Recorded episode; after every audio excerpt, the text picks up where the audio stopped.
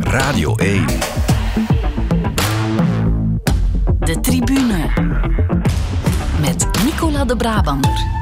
Dag iedereen, welkom bij de tribune. Het komende uur gaan we praten over een incidentrijk voetbalweekend. Er werden drie toppers gespeeld en er vlogen ook drie coaches de laan uit. Over het ontslag van Felice Mazou en de crisis bij Anderlecht praten we straks ook met Peter van den Bent. Maar ik ben heel blij dat wij het eh, positief zullen kunnen houden in het begin van deze uitzending. En dat gaan we zo meteen doen met twee Limburgers. Dat zijn voetbalcollega Stef Wijnands en de trainer van de leider in de Jupiler Pro League. En dat is Wouter Franken, T1 van Racing Genk. De bedoeling was dat ze hier al meteen in de studio zouden zijn, samen, maar het verkeer heeft er anders over beslist. In afwachting van een eh, stabiele connectie via de telefoon gaan we dan ook eh, even luisteren naar eh, de momenten van de week. En Wouter die koos voor een moment van vorige week dinsdag. Dat was een 6-1 zege tegen promovendus Westerlo. En dat was een ja, knappe zege van Racing Genk. Dan kunnen we nu misschien toch naar het slot van die eerste helft. Want zo zijn we nu toch wel, of daar zijn we nu toch wel stilaan, denk ik, Peter van den Bunt van eh, Genk Westerlo. Ja, nog iets meer dan drie minuten toegevoegde tijd. Onbegrijpelijk eerlijk gezegd. Zeven minuten, geen idee waar dat vandaan komt. Terwijl Genk nog een aanval opzet. En nog een goal erbij. Munoz. Het toch niet te geloven, zegt die Munoz. Uitstekende voorzet weer. Hier op de rechterkant van Peensel. Het is al vijf tegen één. Wel, wel, wel, wel, wel. Het is een fenomeen met zijn tweede. Ik moet wel zeggen, alles vliegt erin bij Racing Genk. Dat is de periode waarin eh, de Limburgers zitten. Ja, en intussen zouden de heren aan de lijn moeten hangen. Stef en Wouter, goedenavond. Uh, goedenavond. Dag Nicola. Ja, Wouter, uh, heel erg bedankt dat je tijd wil maken. Al heeft het dus wel wat extra voeten in de aarde gekost. Dit gaat niet zo vlot daar uh, in de auto. Nee, helemaal niet. Ik denk dat er uh, net tussen, tussen tussen de binnenring en de, dus de grote ring en de kleine ring en een, een, sterrenbeek eh, voorbij en een serieus accident gebeurde. Dus ja. dat helemaal... Niet ideaal. We zullen wel zien of jullie hier nog raken, maar we horen jullie al. Dat uh, is het belangrijkste. Uh, jij en Stef, jullie kennen elkaar al een hele tijd, hè, Wouter? Ja, ja. Limburgers hè. en ja. van de buurt. zeker en vast. Ja. Tot wanneer gaat die band terug? Oh, Stef. Uh, ik denk dat uh, toen Wouter speelde bij Sint-Truiden als jonge snaak heb ik hem natuurlijk uh, zien debuteren in Sint-Truiden. En ja, vermits er toen wel nog heel wat truinaars speelden, ja, bouw je daar toch wel op een of andere manier een band mee op. Je, je, raakt die dan ook wel eens weer kwijt als de voorbije jaren zat uh, Wouter in Mechelen. Daar kom ik natuurlijk niet zoveel. Maar goed, je houdt toch altijd wel een beetje contact. Ja, en Wouter Stef die heeft je nooit teleurgesteld als journalist. Een vertrouwensband uh, die, die de tand destijds overleefd heeft. Pas, pas. zeg, uh, Stef, je bent er voor Radio 2 denk ik ook wel bijna wekelijks bij op de persconferenties voor de wedstrijden van Racing Genk dit seizoen. Mm -hmm. Ja, ja, daar ben ik uh, in principe elke week. Ja. Dus jij volgt hem? Ja, zeg maar. Ja, die zijn, en die zijn super saai nu. Uh, want er gebeurt niet. Het gaat allemaal te goed natuurlijk. Hè. Nee, nee, uh, ik ben daar wel elke week. Ja, ja Wouter, dat klopt. Hè. Veel kritische vragen, denk ik, komen er niet aan bod op die persconferentie. Momenteel. Ja, hout vasthouden zou ik zo zeggen. Dus ja. geniet en, uh, en uh, hopen dat we in die flow blijven. Maar de beste seizoenstart uit de clubgeschiedenis kunnen neerzetten in je eerste maanden, Wouter, ja, dat is uh, een aardig begin. Ja, zeker en vast. Hè. Ehm, goh, ik denk dat het ja, niet verwacht was, maar het, was, het heeft sneller gepakt dan dat, dat iedereen verwacht had. En, maar dat is eigenlijk alle credits naar de, naar die gasten toe. Want uiteindelijk uh, zijn zij het die het moeten doen en uh, moeten zij dezelfde koord trekken. En uh, dat hebben ze wel gedaan. Ja, we luisteren al even naar dat moment dat jij koos. Dat was een doelpunt, de 5-1 tegen Westerlo vorige week. zes goals gemaakt in die match, waarvan twee van Munoz. Waarom koos je dat moment en die goal? Goal, dus, het was gewoon een, een mooie actie met, met, met veel... wat we graag willen terugzien. Dus met veel positiewissels, met veel balcontacten en met veel loopbewegingen en uh, met, ja, goed, met een goed uh, eindresultaat natuurlijk. Ja, een rechtsback, Daniel Munoz, die inderdaad de overlap maakt en scoort op uh, voorzet van de rechterwinger. Is dat zo'n beetje wat je aanhaalt, de natte droom van een coach, de beweging en alles dat dan juist uitkomt? Ja, sowieso is dat, is dat mooi om te zien. Dat, maar vooral dat die jongens zich daar goed in voelen om die uh, op die manier te doen en, en die daar volledig hun, uh, hun eigen kwijt kunnen, zal ik zeggen. En dan, uh, dan doe je dat met veel vertrouwen en dat, was, dat was altijd leuk om te zien natuurlijk. Ja. Hoeveel keer heb je al met 6-1 gewonnen als coach, Wouter? Uh, ik denk dat dat wel eens in Gravelo ooit moet gebeurd zijn ja. of zo. Op een ander niveau natuurlijk. Maar het moet wel deugd doen dat jullie de best scorende ploeg in België zijn. Maar niet dat dat een, een, een bepaalde uh, zeggen, uh, doelstelling is um, van de best scorende. We willen gewoon uh, onze wedstrijden winnen. En we willen daar alles voor doen. En met, met liefst met, met hoe zeggen, doelgericht voetbal. Ja. En, en, en eh, en, en, tot nu toe gaat dat heel goed, eh, dus eh, dat proberen we vast te houden. Alright, wel zometeen gaan we nog veel dieper in op dat uitstekende seizoensbegin van jouw club Racing Genk. Maar eerst ook nog eens luisteren naar het moment van Stef. Dat komt uit de tennis, meer bepaald de European Open in Antwerpen vorige week. Loopt hier goed.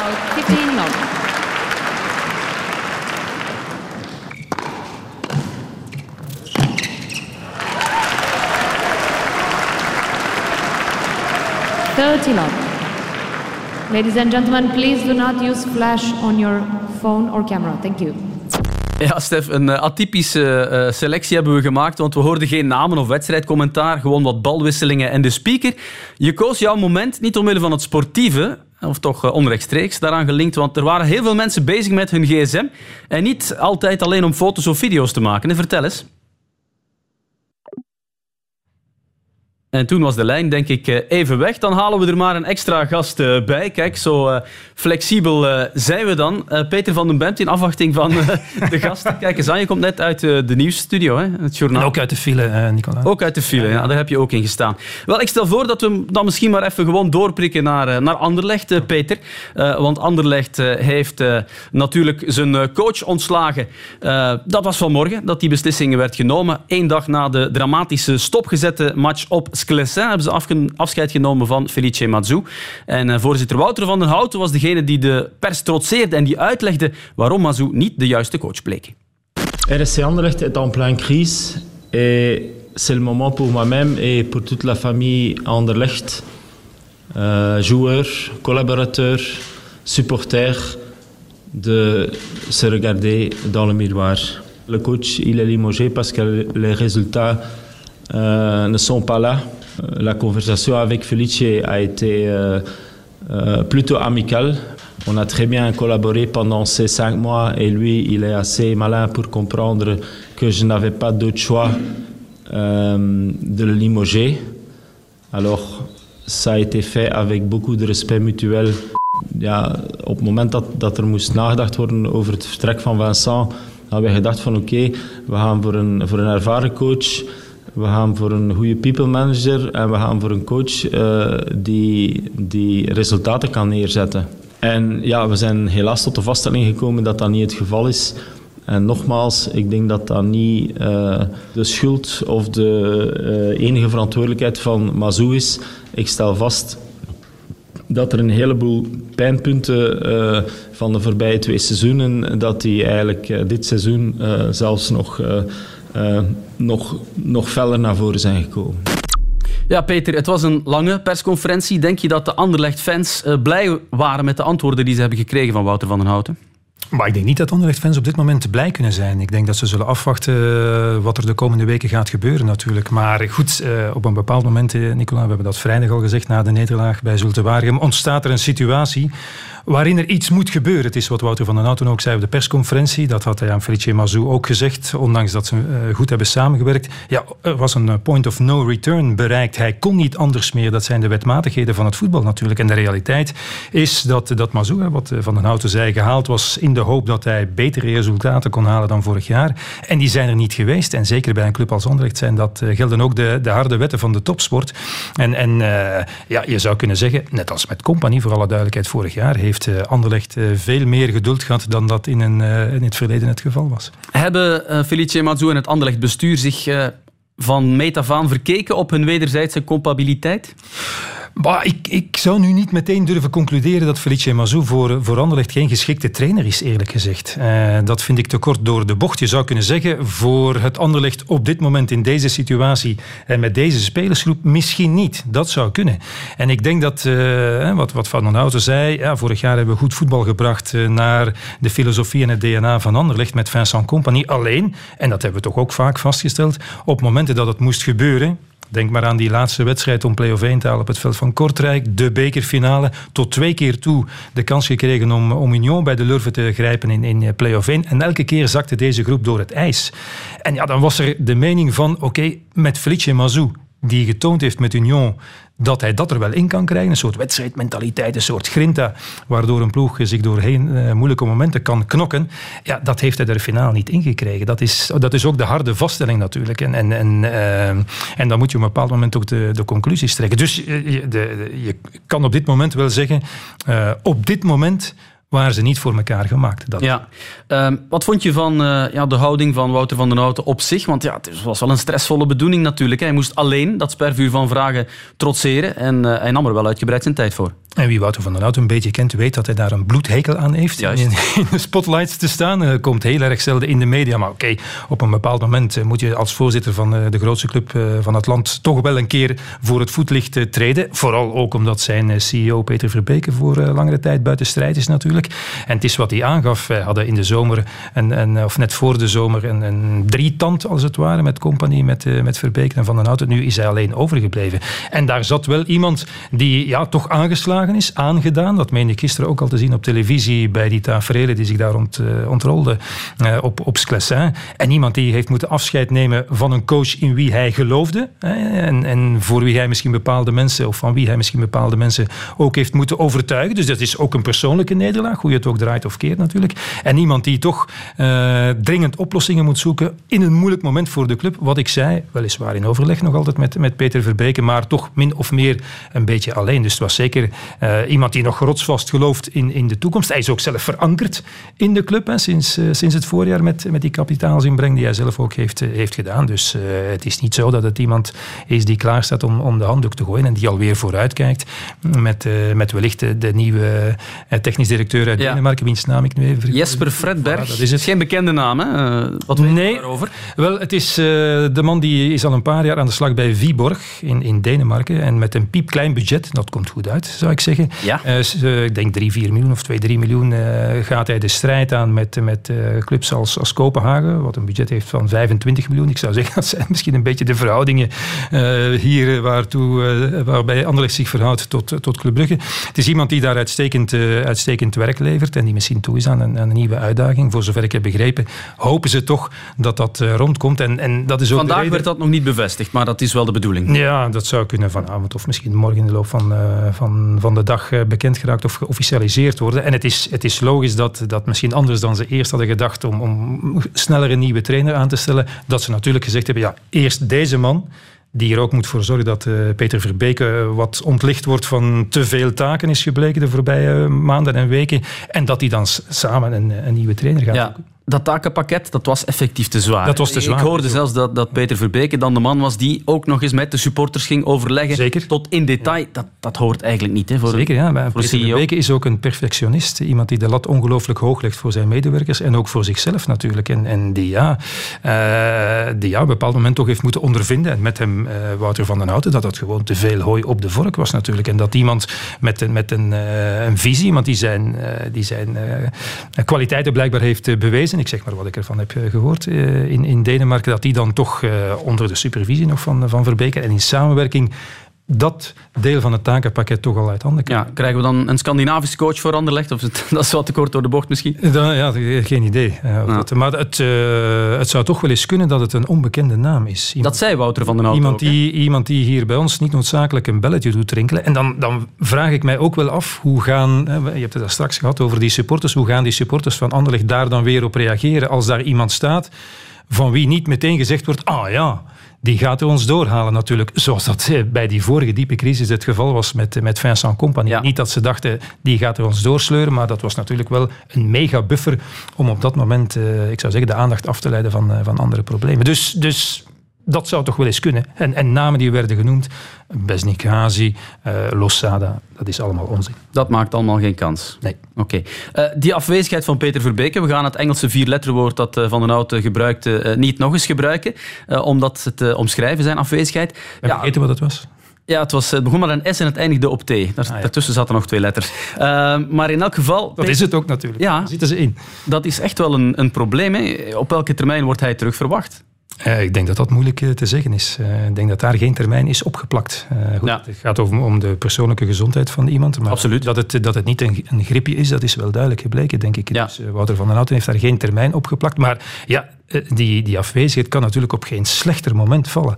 Ik zou durven zeggen, als morgen Vincent Mannaert hetzelfde overkomt bij Club Brugge, is dat minder een probleem, want die club staat er, is op kruissnelheid, uh, bruist en bloeit en uh, dat is allemaal geen probleem. Maar nu heeft ja, Anderlecht de club nood aan, aan iemand die daarmee de kar trekt en dat is toch een van de mannen die dat doet, Peter Verbeek. Dan uh, nog even over Felice Mazou, Peter. Want ja, je kan zeggen wat je wil, maar hij heeft een kans gekregen bij Genk. Dat is mislukt. Nu bij Anderlecht hetzelfde. Ja. Hij is verbrand, denk ik, voor de top. Um, op dit moment zeker wel. Want uh, uh, als je inderdaad je kans hebt gekregen bij Racing Genk, ook wel in moeilijke omstandigheden, vind ik, uh, in, in een moeilijke club. En nu bij Anderlecht en twee keer uh, ja, ben je nog voor alle bladeren van de bomen gevallen zijn weer ontslagen. Ja, dan krijg je toch het, het etiket opgekleefd wat er al een beetje opkleefde. Dit was zijn herkansing eigenlijk, na die mislukte passage bij Racing Genk, om te tonen van, kijk, ik kan het wel bij een topclub. Een beetje zoals Hein van Hazenbroek, hè, die, die het uitstekend deed bij Kortrijk. Mislukt bij Racing Genk, terug naar Kortrijk. Maar dan wel getoond bij A-agent wat hij in zijn mars had aan de top. Namelijk kampioen geworden, geweldige Champions League campagne. Dat was het parcours, denk ik, dat Felice Mazou ook voor ogen had. En ik denk dat hij ook wel dacht, en wij eigenlijk met hem... Ja, wat ik met Union heb gedaan dit seizoen, dat is onmogelijk om dat te herhalen. Het kan alleen maar minder zijn volgend ja. jaar. En dat is een grotere misrekening van Mazou geweest dan naar Anderlecht gaan. Ja, maar het was ook geen evidentie, denk ik, om zijn uh, passie voor grinta, voor teamwork, om dat te verzoenen met techniciteit uh, van Anderlecht-spelers die minder hun voet zetten. Hè? Want blijkbaar, ja, het is, het is niet wat we vernemen, zetten hij soms stafleden uh, in op training om, om wat feller te, te laten ja, spelen. inderdaad. En, en wat toch dus, straf is. Dus je kan alleen maar zeggen dat hij er werkelijk alles aan gedaan heeft. Dat is wat ik ook intern hoor. geslagen en gezalfd. Er alles aan gedaan om, om het vuur door die groep te jagen. En in sommige wedstrijden zag je dat. Zoals tegen Club Brugge laatst in die, in die topwedstrijd, in die thuiswedstrijd. Maar bij andere wedstrijden ja, kwam dat er niet meer uit. En, en blijkbaar volstaat het toch niet om een coach als Mazou, een aanjager, iemand die dat voorstaat, boven die groep van Anderlecht te zetten, om dan ineens maar uh, van Anderlecht een soort union te maken. Want bij Union, dat blijkt, uh, kunnen ze ook ongelooflijk goed voetballen. Ja. De man die er net veel te laat over is uit Limburg binnenwandelt, Wouter ja. Franke, ja, die heeft ook bewezen dat die uitstekende voetballers van Racing Genk, die vorig jaar ook versleten werd, ik ben al in jouw plaats aan het praten, Wouter, voor prima donnas, ja, dat hij daar ook die grinta heeft ingekregen ja. en dat die ook kunnen knokken zoals ze dat gisteren deden bij Antwerpen. Nog één ding, Peter. Um, hij kreeg een laatste zetje van uh, Ronnie Deila, die hem nog verdedigde, Mazou. Denk je dat hij een zachte landing gaat maken bij Charleroi? Ja, ja, daar heb ik geen idee van eigenlijk. Ik, ik, ja. ik, ik, moet eerlijk zeggen, als ik nu Felice Mazou was, maar, maar goed, dat kan alleen maar zelf beslissen, zou ik even wachten, want ik denk dat het slopende maanden zijn geweest voor hem. Maar goed, Misschien, uh, misschien begint hij er daaraan. Dat, kan, dat zou kunnen natuurlijk. Oké. Okay. Peter, ik ga je hartelijk bedanken. Je, je aanwezigheid. Ik wil nog een grapje maken over Limburgers en traag, maar dat... nee, uh, dankjewel om in te springen. Ja. En ik uh, laat je gaan, want jij gaat ook nog naar extra time. En intussen zijn Stef Wijnands en Wouter Franke effectief in onze studio geraakt. Stef, een ritje, hè?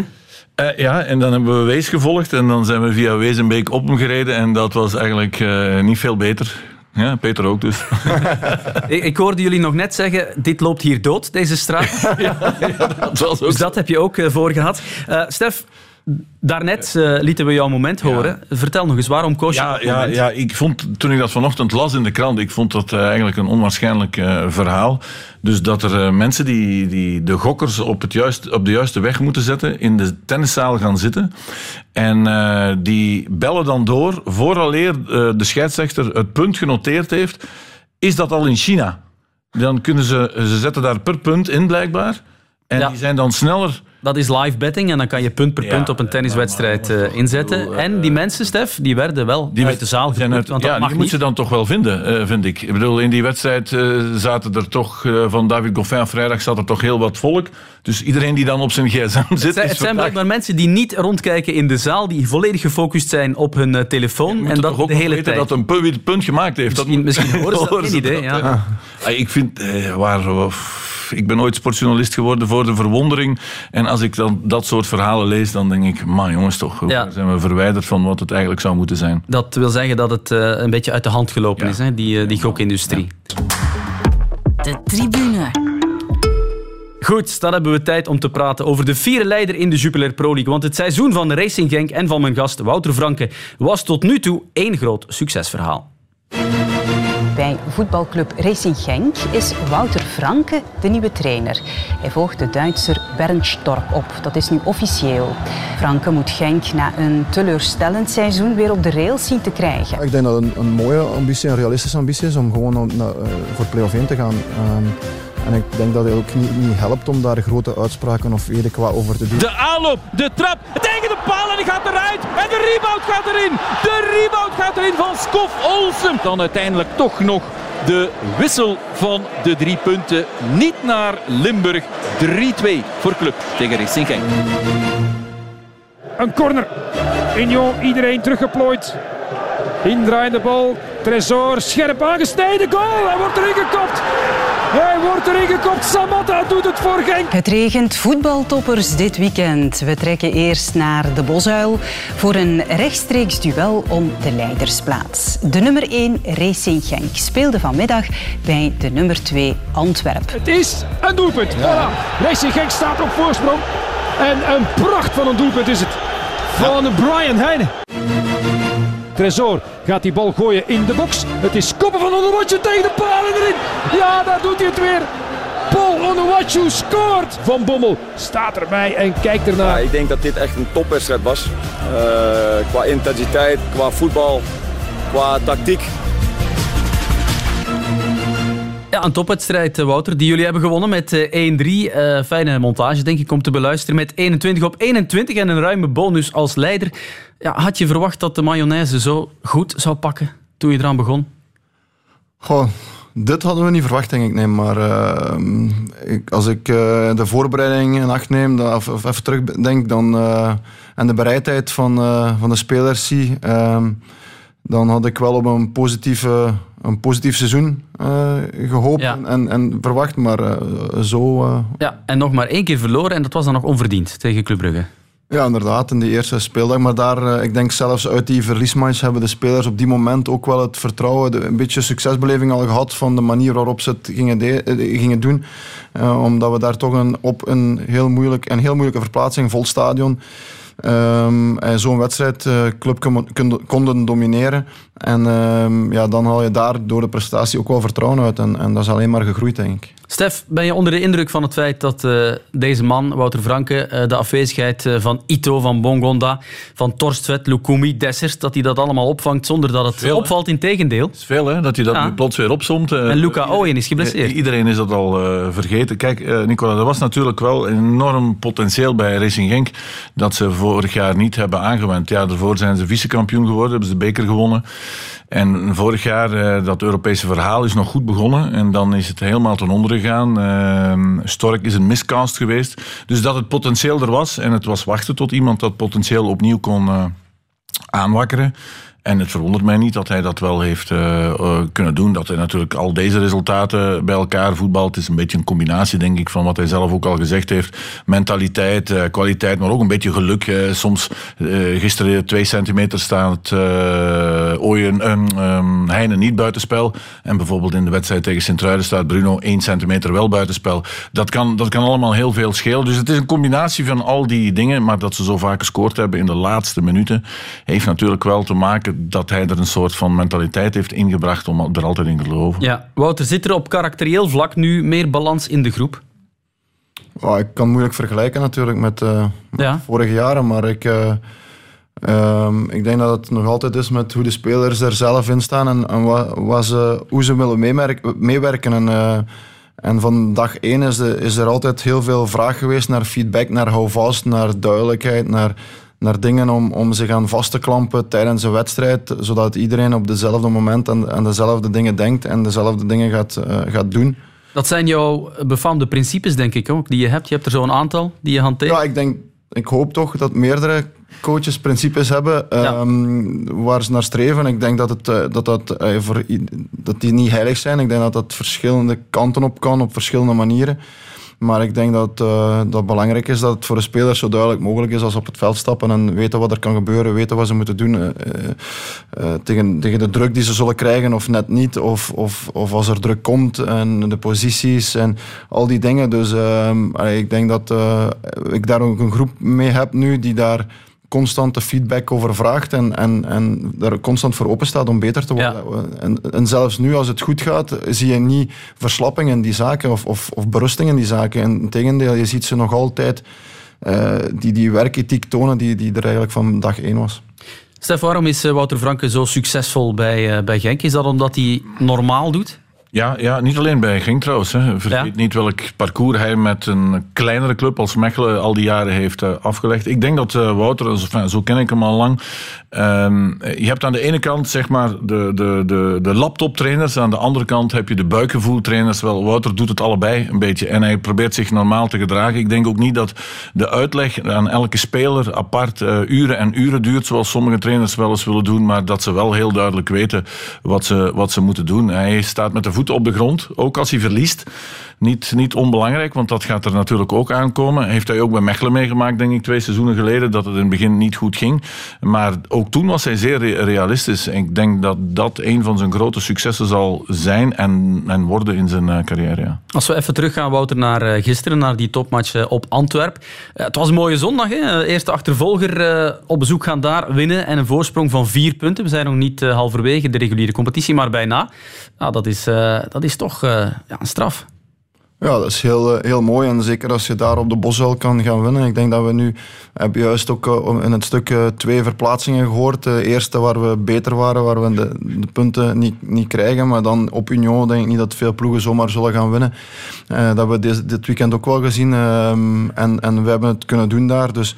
en nu op Antwerpen zullen er ook niet veel iets gaan halen, zeker voor kolkend uh, Boswel. Dus uh, dat, zijn, dat, zijn mooie, dat zijn mooie dingen om te ervaren, omdat je omdat je dan ook het gevoel krijgt van die spelers gaan niet onder de indruk zijn van omstandigheden. Die gaan gewoon uh, gefocust zijn op wat ze moeten doen uh, tijdens de wedstrijd. En, en, en, en daar met vol vertrouwen aanvatten. En, en dat is ook wel heel belangrijk natuurlijk.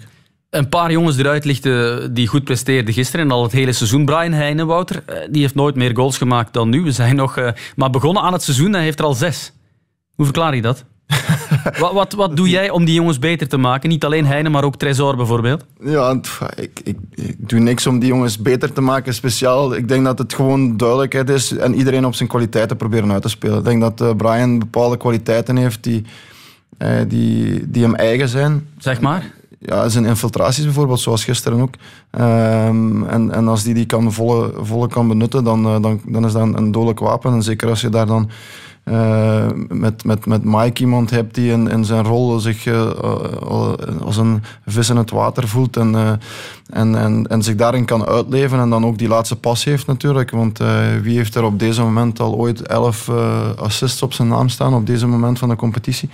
Dus um, dat, zijn, dat zijn eigenlijk maar dingen, dingen dat, of, of tekens dat ze zich goed voelen in hetgeen wat ze doen zijn en en, uh, en zich eigen gemaakt hebben. En, en dat is heel belangrijk. En uh, het belangrijkste in sport is nog altijd plezier. Als je, als je op, het, op het veld komt en je doet je hobby en je beroep, je, beroep dat je, eh, je hobby dat je beroep is geworden, dan moet je nog altijd datzelfde plezier kunnen beleven op, in de wedstrijd, denk ik. En, en dat doen ze. Ja, Stef, ehm, de metamorfose van uh, Tresor, dat is je ook opgevallen. Nee, hij heeft niet alleen al elf assists, maar ook nog eens vijf goals. Ja, ja ik vind dat het uh, belangrijkste wat hij voor elkaar heeft gekregen. Want hij, vorig jaar heeft hij natuurlijk niet zoveel uh, gespeeld. Er was natuurlijk nog wel Ito en Bongonda, waar Van den Brom lang heeft aan vastgehouden.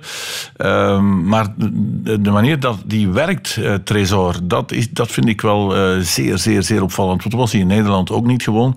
En over Heine wil ik nog zeggen, die heeft natuurlijk vorig jaar heel veel gekant met onduidelijkheid voor zijn positie. Hè. Er was, uh, Torstvet was er nog, uh, Rozovski dan speelde.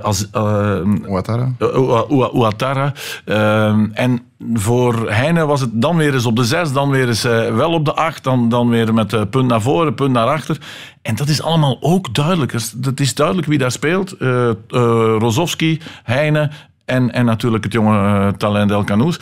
En dat maakt denk ik dat, dat Heine nooit beter gespeeld heeft dan nu. Ja, en dan is de logische vervolgvraag, ja. Stef. Iedereen uh, heeft het erover. Maar... Wel hem zelf, zou ik zeggen. Ja, maar, maar, wat denk jij? Niet, niet per se voor het WK nu, maar uh, ja, hij moet misschien wel eens een kans krijgen, toch? Ja, hij moet natuurlijk zijn kans krijgen. Maar ja, het is zo druk bezet daar op, uh, op, dat, op dat middenveld. En waarom zou hij hem nu wel oproepen? Hij heeft dat niet gedaan toen ze twee jaar geleden ook uh, heel erg ja. goed, speelden. Uh, hij heeft daar zelf een verklaring voor, Heine. Hij zegt, ik val tussen twee generaties in. De generatie die nu bijna afscheid neemt en de generatie die wordt klaargestoomd. Maar dat is niet echt een plausibele Kijk, uitleg. Nicola, ze zijn natuurlijk in Genk zijn ze daar soms een beetje gefrustreerd over. En ik begrijp dat wel. Als Jari Verscharen wordt opgeroepen en die staat niet eens in de ploeg bij Anderlecht. Ja, dan kan je soms niet begrijpen waarom ze die beslissing nemen. ja, bij Bongola was het ook, ook, dat ja, geval. Hè? Goed, daar kan je nog zeggen dat er heel veel mogelijkheden zijn op, op de zijkanten. Um, nou goed, ik hoor nu dat verhaal over Tresor. Het is nu niet omdat hij elf assisten heeft getrapt dat hij plots in de nationale ploeg moet staan. Maar dat hij een mogelijke uh, kandidaat is, ja, dat zal wel zeker. Maar ja. ik denk niet dat er voor het WK veel zal veranderen. Nee, uh, Bongonda, uh, Wouter, wou die zelf weg of had je ja, een, een bedenking bij potentieel zijn ingesteldheid, wat je soms wel hoort over hem? Um, over hem zit ik eigenlijk niet, zit ik er gewoon niet tussen. Uh, ik denk dat hij uh, vorig seizoen aangegeven heeft zelf dat hij, dat wou vertrekken, dat hij absoluut niet wou blijven. En uh, ja, dat in zijn situaties gegroeid, denk ik. waardoor ze mij gezegd hebben van, van dag één al van... kijk, dit is de kern, maar uh, hoort daar niet bij. Ja, um, Joseph Paintsil is ook wel een gelijkaardig verhaal aan dat van Tresor? Wouter? Want die was ook al twee, drie keer afgeschreven. En toch haal jij het beste in die jongens naar boven. Uh, is eigenlijk iemand die, uh, ja, die vertrouwen wil voelen. ja, dat is met veel spelers zo natuurlijk, maar je hebt er die daar gevoeliger voor zijn in, in, in hun prestaties dan anderen. En ik denk dat hij op dat gebied gevoelig is en dat je daar... ik denk dat... Je kan, hem best, je kan hem op de bank zetten, maar met een fatsoenlijke uitleg bij wijze van spreken voelen die jongens zich veel beter, dat ze weten waaraan ze zijn. En ik denk dat dat voor iedereen belangrijk is, belangrijk is maar voor sommige jongens nog belangrijker dan anderen. En, um, en hij is zo iemand. En ja, goed, je ziet ook als hij vertrouwen heeft wat hij wat kan brengen. En ook al is hij ja, vier, vijf weken buiten strijd geweest. Hij kwam terug en hij, en hij pakte terug uh, zijn rol op. En ja, het is ook iemand die er gewoon vol voor gaat. En zoals, zoals eigenlijk alle anderen, moet ik zeggen. Dus, uh, maar, maar het is gewoon leuk om te zien dat hij zich daar ook goed voelt. Want uiteindelijk dacht hij van zichzelf dat hij enkel maar kon presteren als die op links speelde. En nu doet hij het op, op rechts. Ja. Stef, zag jij van uh, meet af aan een goede trainer in Wouter? Want ja, je hebt zijn parcours, je hebt het al even vermeld, mm. gevolgd. Dat is opmerkelijk begonnen. Ja, dat is zeer opmerkelijk begonnen. Hè? In Vierde Provinciaal, in een dorpje naast ons. Uh, omdat Wouter na zijn carrière eigenlijk een beetje voetbalmoe was. En ook de voetbalwereld uh, beu was. En daar heeft hij plezier gevonden. En het is niet dat hij daar maar twee maanden geweest is, hè, Wouter, bij, bij Gravenlo. Nee, tweeënhalf jaar. Ja, tweeënhalf jaar in Vierde Provinciaal. Wel van vierde naar...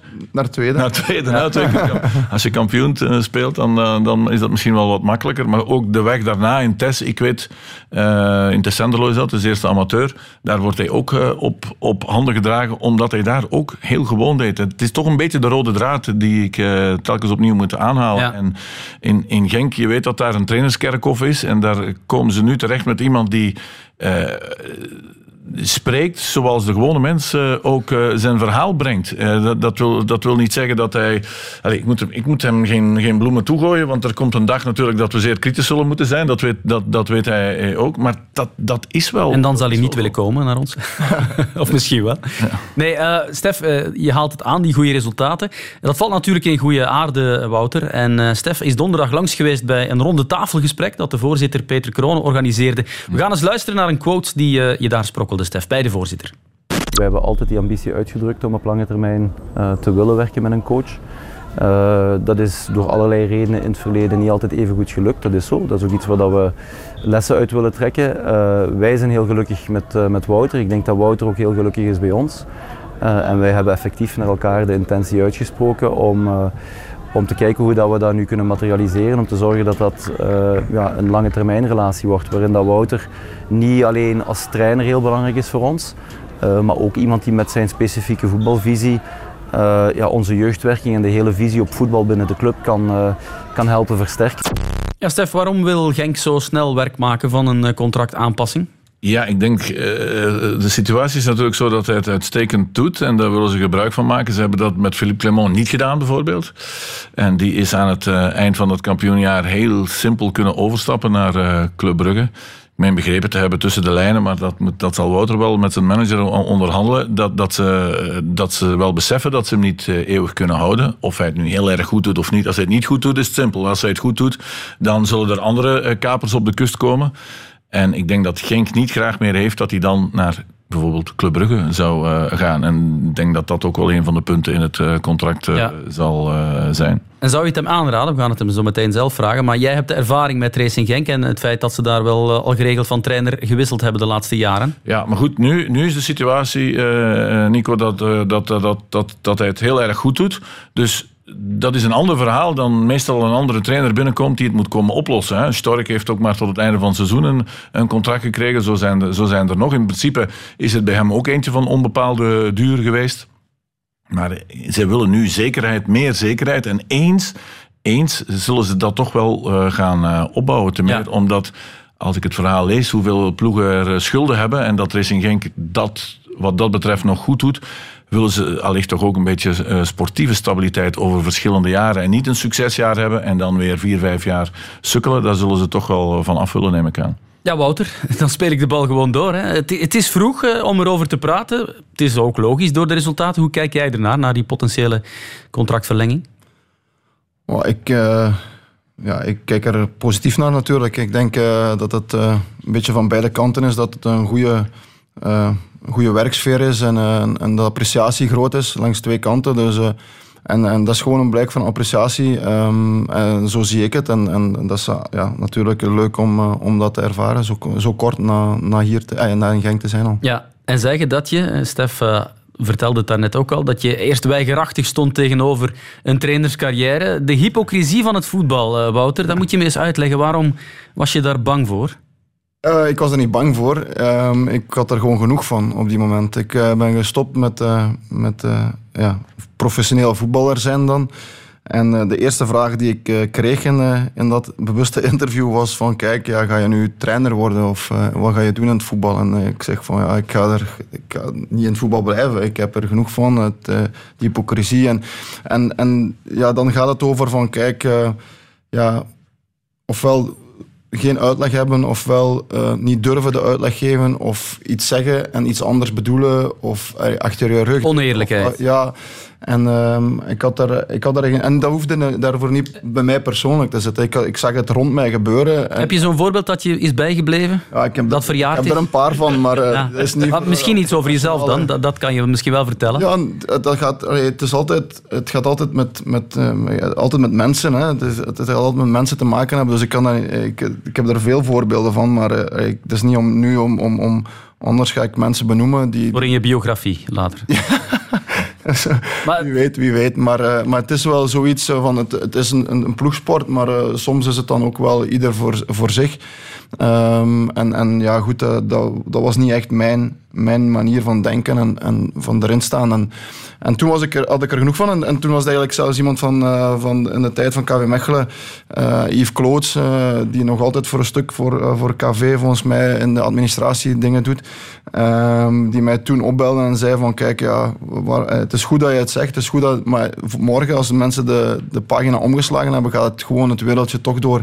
En hij zei van ja, kijk, als je echt iets wil fundamenteels veranderen, los van dat je het wereldje kan, alles kan je niet veranderen, maar puur voor, op kleine schaal moet je het zelf gaan doen en wat je denkt dat jij, hoe jij vindt dat het moet gebeuren. Ja, Stef lijkt een plausibele verklaring voor de manier waarop hij het nu aanpakt. Ja. Hè? Ja, ja, ja. Allee, je moet ook niet vergeten, na die periode bij, bij Gravelo en Tess is hij uh, naar Lommel gegaan. En uh, daar is hij gewoon na een paar weken of twee maanden, hoe lang was het? Omdat hij zichzelf daar ook niet kon vinden. Dan is hij hulptrainer geworden in Kortrijk. Je, je kan je voorstellen van Sint-Truiden naar Kortrijk rijden ja. om hulptrainer te worden. Ook wat files misschien. Onder andere. Ja, dus, dus het is een heel atypisch uh, parcours. En zo staat hij er volgens mij ook, ook in. Over jou wordt gezegd, Wouter, ja, mocht het nu morgen eindigen bij Genk, ja, je vindt je draai wel, je vindt je weg wel. Ja. Hoe, hoe slaag je erin om, ja, om geen energie te steken in zaken die je niet onder controle hebt? Geef je daar cursussen voor, bijvoorbeeld? nee, maar um, ik denk dat het gewoon belangrijk is. Ik denk dat bijvoorbeeld balans in je leven belangrijk is. Daarom is mijn familie en mijn gezin zo belangrijk. En uh, dan moet je nog altijd uh, ja, de realiteit kunnen zien zoals ze is. En wat de prioriteiten kunnen stellen en weten wat belangrijk is. En Oké, als uh, ik heb een, een, een, mentaliteit van, kijk, uh, als je iets wil doen en je wil werken, zal ik zeggen, vind je altijd wel iets. En, en als het voetbalwereldje mij niet meer nodig heeft, ja, dan doe ik gewoon iets anders. En, en, en ik denk dat het belangrijk is dat je daar uh, dat je er, ik vind het belangrijk voor mezelf dat ik er zo in sta. Want anders ga je dingen, uh, uh, ga je uit angst beslissingen nemen. Om angst om je job kwijt te raken, om angst om een slecht resultaat. En angst is altijd een slechte raadgever. En, en er mogen veel zeggen van uh, ik heb, heb geen bang voor dit of ik heb geen bang voor dat. Maar de nervositeit slaat toe. En ik kan daar redelijk wel van mij afzetten en, en eigenlijk gewoon mij focussen op ja, wat er moet komen, eh, wat er in de directe toekomst moet komen. En, en, zonder te ver vooruit te kijken en angst hebben voor wat er zou kunnen gebeuren. Want daar heb je toch geen vat op. Ja, en het is nogthans uh, een, een lelijke stil, Wouter. Als je kijkt naar de voorbije dagen, de ontslagen uh, vliegen ons om de oren. Niet alleen in België, zelfs ook in Frankrijk waren er denk ik een stuk of vijf de laatste negen dagen. Dus ja, maar dat, dat ja, schrik je niet af. Nee, nee. Ik, je bent nog nooit ontslagen, toch? Hè? Ik ben hout vasthouden. Ja. Nog nooit ontslagen. Uh, nee, het, het, het, het, schrikt mij niet af, omdat je, ja, je staat voor iets en je wil daar gewoon, gewoon alles aan doen om, om, om die dingen te bereiken. En in Mechelen was dat ook zo, zoals die periode dat Stef juist zegt. Ik denk op die moment als je dan te veel angst gaat hebben voor ontslagen te worden of voor, of, of, of voor zo'n dingen, dat je dan dingen gaat doen die wissels of veranderingen van systemen of principes. En, en, en dan gaan de spelers gaan beginnen twijfelen. Als die zien dat jij twijfelt of dat je zien dat jij nerveus wordt, dan worden die ook nerveus. Dus ik denk dat het dan belangrijk is gewoon, als je echt uh, zeker bent van je zaak, dat je gewoon de dingen juist benoemt. Vooruitkijken, dat, dat wil je nog niet doen. Hè? Uh, ook niet uh, hebben jullie nu uh, een mooie bonus op Club Brugge, op Union, op Antwerpen. Match per match, dat blijft je devies. Top 4 kan, kan toch eigenlijk niet meer misgaan? Of is dat te vroeg? Top 4 is onze ambitie. Hè? Ja. Dat is van voor het seizoen uitgesproken eigenlijk. Dat is onze ambitie dat we willen doen. En daarmee dat het ook belangrijk is dat de kloof... Eh, belangrijker de kloof op de vijfde dan, dan op de tweede of de derde of zo. Um, maar, maar het, is ook, het, is ook geen, het heeft ook geen zin om daar uitspraken over te doen. Ik zeg het, het voorbeeld is er vorig jaar geweest eigenlijk, toen er veel, veel gepraat werd. En, uh, en nu vind ik dat we niet moeten praten, maar gewoon moeten presteren op het veld. En, en daar gaat het nog altijd over. En, en ik heb het gevoel en, en de overtuiging dat die maar ja, alle jongens eh, bij ons ook zo erin staan. Die weten ook wat ze een beetje over hun gekregen hebben vorig seizoen. En die staan er eigenlijk in van gewoon hard werken. Iedere, iedere week opnieuw terug vol een bak gaan. En, en proberen resultaten te spelen zoals we, zoals we bezig zijn. En, en, en dat vind ik nog altijd het beste. Stef, uh, ze hebben niet alleen de beste aanval Racing Genk, maar ook de beste verdediging. Waar zie jij ze eindigen? Durf jij al een voorspelling maken? Oh, voorspelling? Ik bedoel, die play-offs, uh, vorig jaar had Union hoeveel punten voorsprong? 11 of zo op, uh, op Club Brugge. Kan natuurlijk in die zes wedstrijden nog wel veel meer. Maar het zijn er wel maar zes. Daarmee bedoel ik, als je straks toch met een grotere voorsprong aan de play-offs kunt beginnen, ik zeg nu maar wat, de 10 punten wordt gedeeld, ja, dan moeten de anderen toch al twee keer meer winnen dan in zes wedstrijden. Maar ja, ik, vind het ook, ik vind het ook veel te vroeg. Ik denk dat Club Brugge heeft nog de Champions League eens. Die, die zal er in april niet meer bij zijn uh, als, de, als de play-offs eraan gaan beginnen.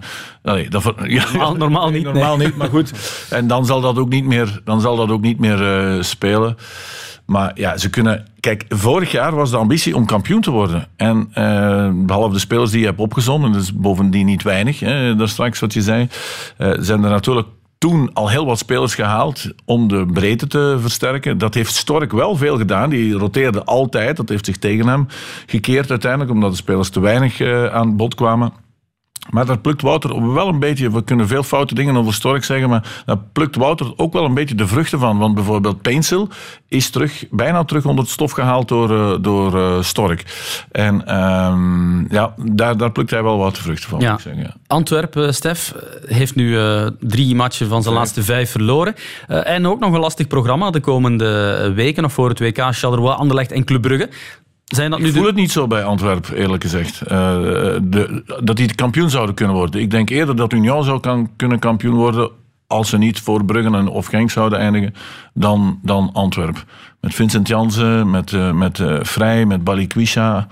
Ik weet niet uh, of die een heel seizoen lang die top zouden kunnen halen. Ik vond ze gisteren wel oké. Okay. Een van de betere wedstrijden trouwens. Ja. Zeker in de, in de tweede helft. Maar goed, allee, ik, ik, voel, ik voel, als ik Club Brugge zie spelen, als ik Union zie spelen en ik zie Genk spelen, voel ik niet waarom Antwerpen boven die drie zou eindigen aan het einde van het seizoen. Oké, Wouter, heb jij een, een voorkeur? Wie is de sterkste ploeg waar tegen jullie al hebben gespeeld? Goh, ik, ik vind het moeilijk om te zeggen, want uiteindelijk uh, zijn ze alle drie goed. Hè. Ik denk uh, Club Brugge en, en, en, een Europese campagne bijvoorbeeld, dat kan je bij wijze van spreken niet als, als excuus aanhalen als je zo'n kern hebt. Hè. We, hebben, we hebben waren naar een wedstrijd aan het kijken bij familie en, en Brugge speelde eh, tegen Atletico, denk ik dat het was. En we waren eigenlijk aan het opnoemen wie er, wie er niet bij zat en wie er op de bank zat. En we kwamen meer als een, als een als een, terug een ploeg die, die gewoon ja, top van België zou spelen. Dus uh, ik denk als je zoveel mogelijkheden hebt, dat, het, uh, dat, het wel ook, dat je er altijd moet spelen. Um, en ja, Antwerpen met hun, uh, met hun budget. En, en ja, als ik spelers, Balikwisha, Stenks zijn toch wel leuke spelers, vind ik. Um, die hebben zoiets uh, extra's. En ja, ik denk dat die, dat die ook ook van boven zal blijven. Union vind ik, vind ik echt heel sterk. Ik denk dat Karel daar heel, eh, heel goed, uh, goed werk levert. Ik vind ze als uh, een beetje in kwaliteit, maar ook in mentaliteit, die combinaties vind ik, vind ik, vind ik bij hun een zeker een vaste rug. Ik vind, ik vind ze alle drie wel ja, terecht voor, de, voor bovenin ja. mee te doen. Ik wil nog hebben over een paar spelers van jouw eh, team, Wouter. Um, Onuachu ja, kennen we. Acht goals in vijf matchen. Je hebt hem rustig gebracht, maar uh, hij scoort weer aan de lopende band. Maar El Canoes, wanneer dat jij begrepen, ja, die kan eigenlijk nu al een uh, dragende rol uh, spelen in het team?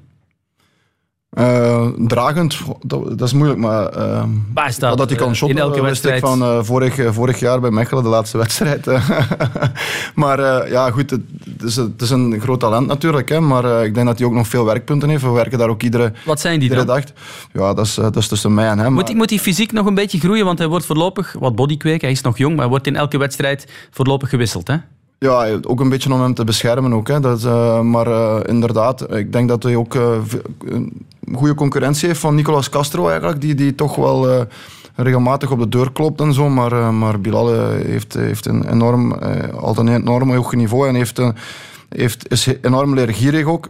En, en, en probeert de dingen op te pikken die we zeggen. Want Um, hij moet in de beslissende zone komen. Hè. Ik denk dat als we nog één werkpunt zeggen, assist, voilà, ja. als we één werkpunt moeten noemen, is statistieken nog. Maar dat heeft niet met, uh, met dingen te maken. Ik, ik, ik ga hem niet zeggen van gooi nu eens een assist of, of, of, trap nu eens iets meer op goal. Daar, daar gaat het niet over. Ik denk dat er in, in bepaalde spelsituaties uh, andere ja. dingen kan doen om, om in die beslissende zone meer te komen. Ja, we hebben al even gepraat over trainersontslagen. Er is nog een uh, trainersontslag en vooral een nieuwe coach waar ik het even met jullie wil over hebben. Hij begon eraan met 6 op 6 en Wouter kent hem natuurlijk heel goed. Steven de Voer, hoe is het met je hartslag? Nu iets beter, maar uh, tijdens de match uh, ik denk dat hij niet onder de 180 is geweest. Even over het publiek hier, de emotie na de match. Je naam wordt hier gescandeerd. Je zei het al bij je aanstelling. Ik voel de druk van de club. Maar als je dat ervoor terugkrijgt, is het wel de moeite. Ja, natuurlijk. Als de resultaten mee is, is het fantastisch. En, uh, ik weet dat we hier een fantastisch publiek hebben. En dat hebben we zeker vandaag ook gezien. Ook toen we 2-1 voorkwamen met 10 vielen. Dan uh, ging het publiek er echt uh, geweldig achter staan. En het was echt een geweldige sfeer vandaag. Volgende vrijdag tegen de ex-coach. 9 op 9 hè? we gaan ons best doen, maar dat wordt, het wordt heel moeilijk. Maar ik speel altijd om te winnen. En we zullen wel zien hoe we dat gaan doen. Mijn laatste vraag. Je zei, als je zo wilt blijven juichen, dat je fitter moet gaan staan. Maar ik zie jou bewegen langs de lijn. Je gaat snel fit zijn, denk ik. Ja, maar ik heb echt veel last van mijn rug. Nee. Dus ik denk dat ik even twee dagen ga plat liggen. Ja, Wouter winnen, dat is dus zelfs voor de coaches uh, fysiek belastend. Ja, dus, uh, goed, uh, hij heeft ook, uh, ik heb last van mijn heupen en hij heeft, hij heeft last van zijn kuiten. Dus. Jullie zijn elkaar waard. Fred. Fred. Ja, ja. maar tegen elkaar vrijdag, Genk KV Mechelen, volgende speeldag. Een leuk weerzien?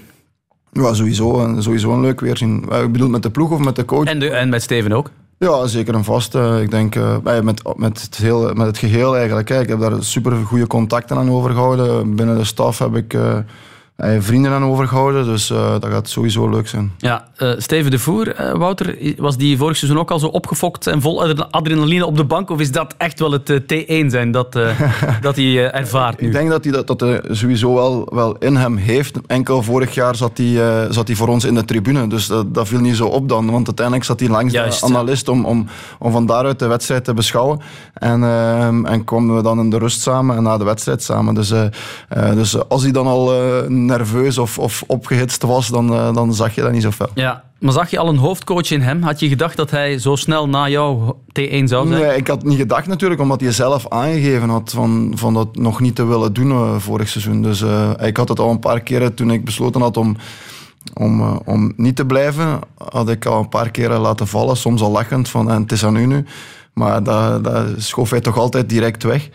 Um, en uh, ja, goed, hij zal zich klaargevoeld hebben nu om, om, het, om het wel te doen. En ik, en ik denk dat hij het ook, uh, ik denk dat hij het ook goed doet. Want als, je, als je zijn wedstrijden ziet, hij brengt veel, veel dingen terug waar de jongens zich goed in voelen. En, en en ik denk dat dat de eerste belangrijke stap is die je kan maken als je in zo'n situatie zit. Je hebt hem toch niet te veel geleerd, hè?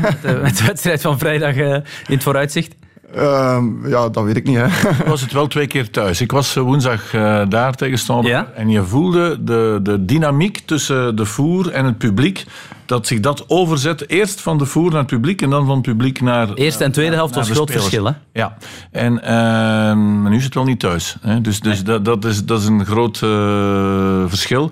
Maar ja, hij stond eh, bij, de, bij het tweede doelpunt tegen Standaard. Stond hij, zoals ik heb het ook gezegd, zoals Wilmot, stond hij bijna, bijna op, het, op het midden van het veld. Dus uh, ja, hij coachte heel intens. En ja. wie stond er ook naast? En je weet, als die twee tekeer gaan langs de lijn, Wouter, dan, dan zal er nog wel eens iets fout gaan ook naar vierde, naar vierde man en zo verder als er wat gefloten wordt. Maar ja, goed, hij, is er in elk geval meteen ingevlogen. Ja, het is daarom dat we het wilden laten horen. Die hartslag, uh, dat, dat wordt nog een dingetje. Moet hij op gaan eh, letten. Maar uh, mannen, wat opvalt, ja, de assistenten, je noemde Gerards ook al, Wouter. Uh, Hoefkes um, en, en nu de Voer. Het is opvallend hè, dat, dat die kansen krijgen en het dan meteen ook goed doen. Ja, daar kunnen we enkel maar blij om zijn, denk ik. Ik denk dat tot meer en meer clubs ook beginnen te kijken van... Uh, zitten er nog talentvolle uh, coaches uh, aan te komen van, uh, van ons, van België. Um, en ik denk dat het wel. Wellicht hebben ze dat toch niet begrepen. Dan gaan ze een technisch directeur halen van een, tweede klas, van een ploeg die vijf jaar in tweede klasse gespeeld heeft. Ja, daar hebben we het net met Peter over gehad. Inderdaad. Ja. Nee, maar goed, het, is, het is gewoon goed. En ook voor Steven is het ook goed dat het uh, dat hem gaat. En natuurlijk voor de club is ook. Uh, Steven is een belangrijk figuur naar supporters toe. En, en Mechelen is natuurlijk um, die, die herkenbaarheid heel belangrijk. En, en dan gaan de supporters er heel vol achter staan. En als je de supporters mee hebt, dan weet je dat je daar dat er wel iets kan bereiken. En, en, en dat doet hij heel goed natuurlijk. Ja, Stef, uh, met het vertrek van uh, Tom Kaluwe, uh, met Wouter die vertrokken is, ja, de voer kan inderdaad een belangrijke figuur zijn voor de korte termijn. Ja, ja pas op, er komt denk ik heel veel op hem terecht nu. Want ik, ik, weet dat Wouter heel erg goed met Tom Kaluwe heeft samengewerkt. Dat, dat was een goede eenheid. ja, goed, dat is er nu natuurlijk niet meer. Ja. Dus ik weet niet wie, wie Mechelen nu als opvolger van Kaluwe gaat uh, halen. maar voorlopig staat hij er dan wel alleen. Het seizoen is bezig, de spelers zijn er. Hij moet die wat niet gepresteerd hebben onder Buis. Nu, zoals, ja, dat voelde ik wel. Uh, woensdag wat eh, Wouter zei, dat die, ook die duidelijkheid. Misschien heeft de voer dat wel een beetje van hem overgenomen. Die duidelijkheid stond er terug. En ja, ze hadden, ze hadden honger om te presteren. Dus ja. Interessant, de wedstrijd van vrijdag. Uh, Wouter, ben je nu toch uiteindelijk blij dat je niet naar Barnsley bent gegaan? Uh, want weet je waar die ondertussen spe spelen? Ja, ik weet het wel. Ze staan denk ik negende in de League One. Ze zijn gedegradeerd. Maar dat, dat, ja, dat was op dat moment wel even lastig om te slikken, hè? dat je niet uh, kon vertrekken. Maar het, gaat, het ging mij op die moment niet zo over dat, het, dat ik zou gaan of niet zou gaan. Het ging er mij vooral over dat je na die periode eigenlijk um, met de vraag die kwam om te mogen praten uh, dat je direct nee zei. En uh, ja, dat vond ik wel spijtig, want uh, op die moment, maar langs de ene kant te begrijpen, maar ja, goed, en, het is wat het is. Maar inderdaad, ze hebben het niet zo goed gedaan. Nee, zij niet en jullie uh, natuurlijk uh, wel. En daarmee zitten we bijna door onze tijd uh, heen, want ja, het was een aflevering met iets meer hindernissen dan normaal. Stef, traditionele slotvraag, waar kijk jij deze week nog naar uit? Oh, Champions League, hè? morgenavond Leipzig-Real. Als Real-fan wil ik dat natuurlijk altijd wel... Juist, het zijn mooie tijden voor jou hè, op dit moment. Is het tijd. Ja, los van Eden Hazard dan. en woensdag natuurlijk Club Brugge. Donderdag reis ik met Union naar Malmö. En uh, dat, dat... Ja, er zijn, er zijn uh, mooie vooruitzichten voor jou. Ja, Wouter, voor jou is dat gewoon de wedstrijd tegen Mechelen, zeker? Ja, wedstrijd per wedstrijd. Heel erg bedankt voor je komst, mannen. En uh, graag tot volgende week dan met Jonathan met de penningen.